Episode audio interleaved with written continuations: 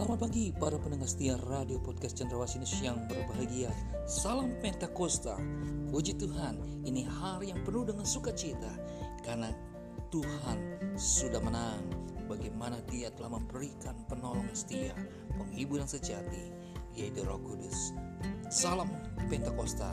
Selamat mendengarkan renungan dari Bapak Gembala pada minggu ini. Tuhan Yesus memberkati Anda.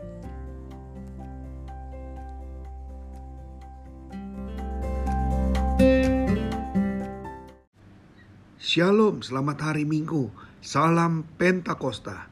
Pasti saudara-saudara gembira hari ini karena kita boleh merayakan hari Pentakosta, hari pencurahan Roh Kudus secara besar-besaran di mana seluruh gereja mereka berdoa, mereka menyambut bahwa Pentakosta ini adalah hari kemenangan bagi orang percaya di mana selama 10 hari kita juga melakukan doa dan puasa dan saya percaya ini akan menjadi satu terobosan bagi orang-orang percaya, terobosan bagi orang-orang yang mencintai dan mengasihi Tuhan dan tidak pernah melupakan akan janji Tuhan. Mari kita akan lihat di dalam kisah para rasul pasal yang pertama ayat yang kedua sampai keempat. Demikian firman Allah. Sampai pada hari ia terangkat sebelum itu ia telah memberi perintah oleh Roh Kudus kepada rasul-rasul yang dipilihnya.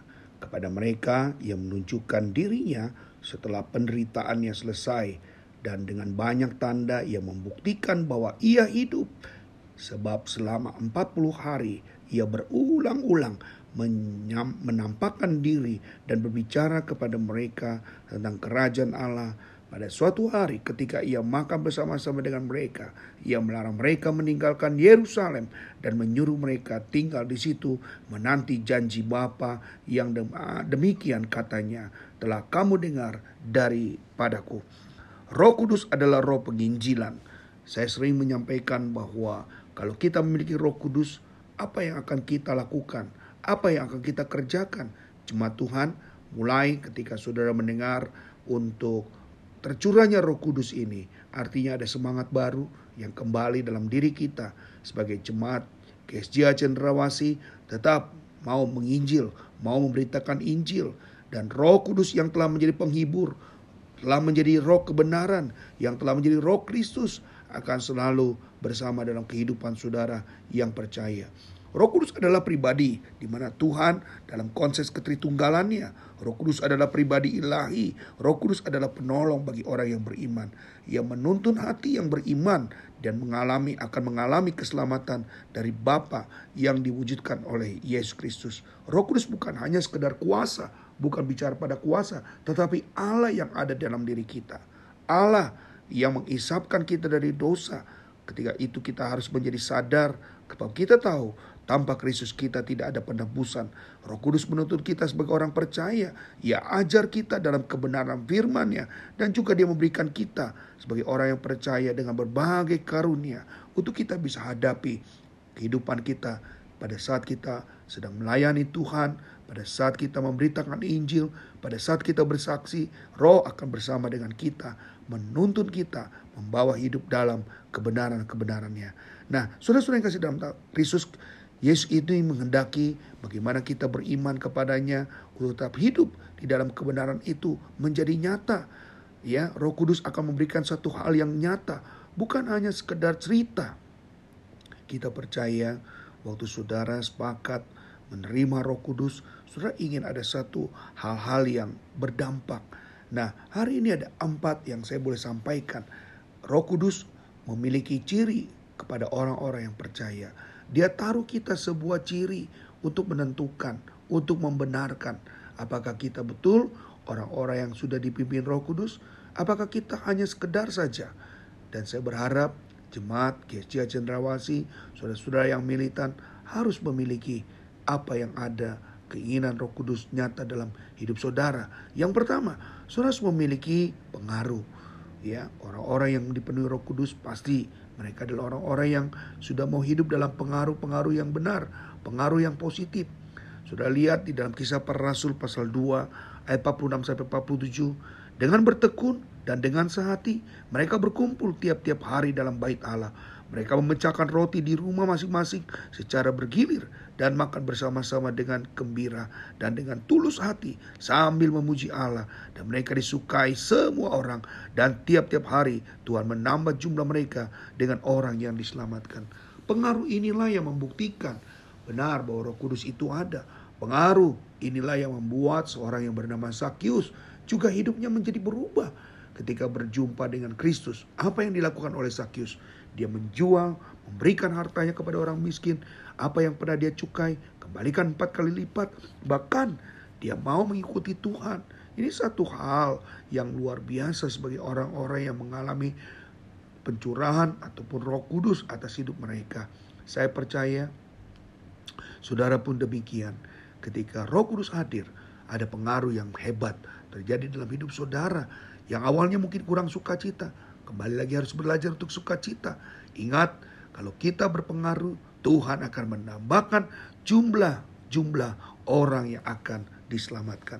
Yang kedua, ketika orang-orang yang penuh dengan Roh Kudus, dia akan memimpin hidup dalam kebenaran. Kebenaran akan menuntut hidup dia. Tidak perlu lagi dikhawatirkan di mana pun dia berada. Ketika kebenaran itu nyata, dia dengan sendirinya punya rasa, punya kerinduan, punya hormat yang begitu besar terhadap firman Tuhan dan dia tidak berani untuk melakukan hal-hal dalam ketidakbenaran. Dia selalu lurus dalam kehidupan dia. Karena apa? Karena roh itu yang membawa dia. Roh itu yang memimpin dia. Belajar untuk kita bisa mengantisipasi supaya kebenaran-kebenaran itu juga menjadi nyata. Yohanes 16 ayat 13 bilang begini, tetapi apabila ia datang, yaitu roh kebenaran, ia akan memimpin kamu ke dalam seluruh kebenaran. Sebab ia tidak akan berkata-kata dalam dirinya sendiri. Tetapi setelah sesuatu yang didengarnya, itulah yang akan dikatakannya.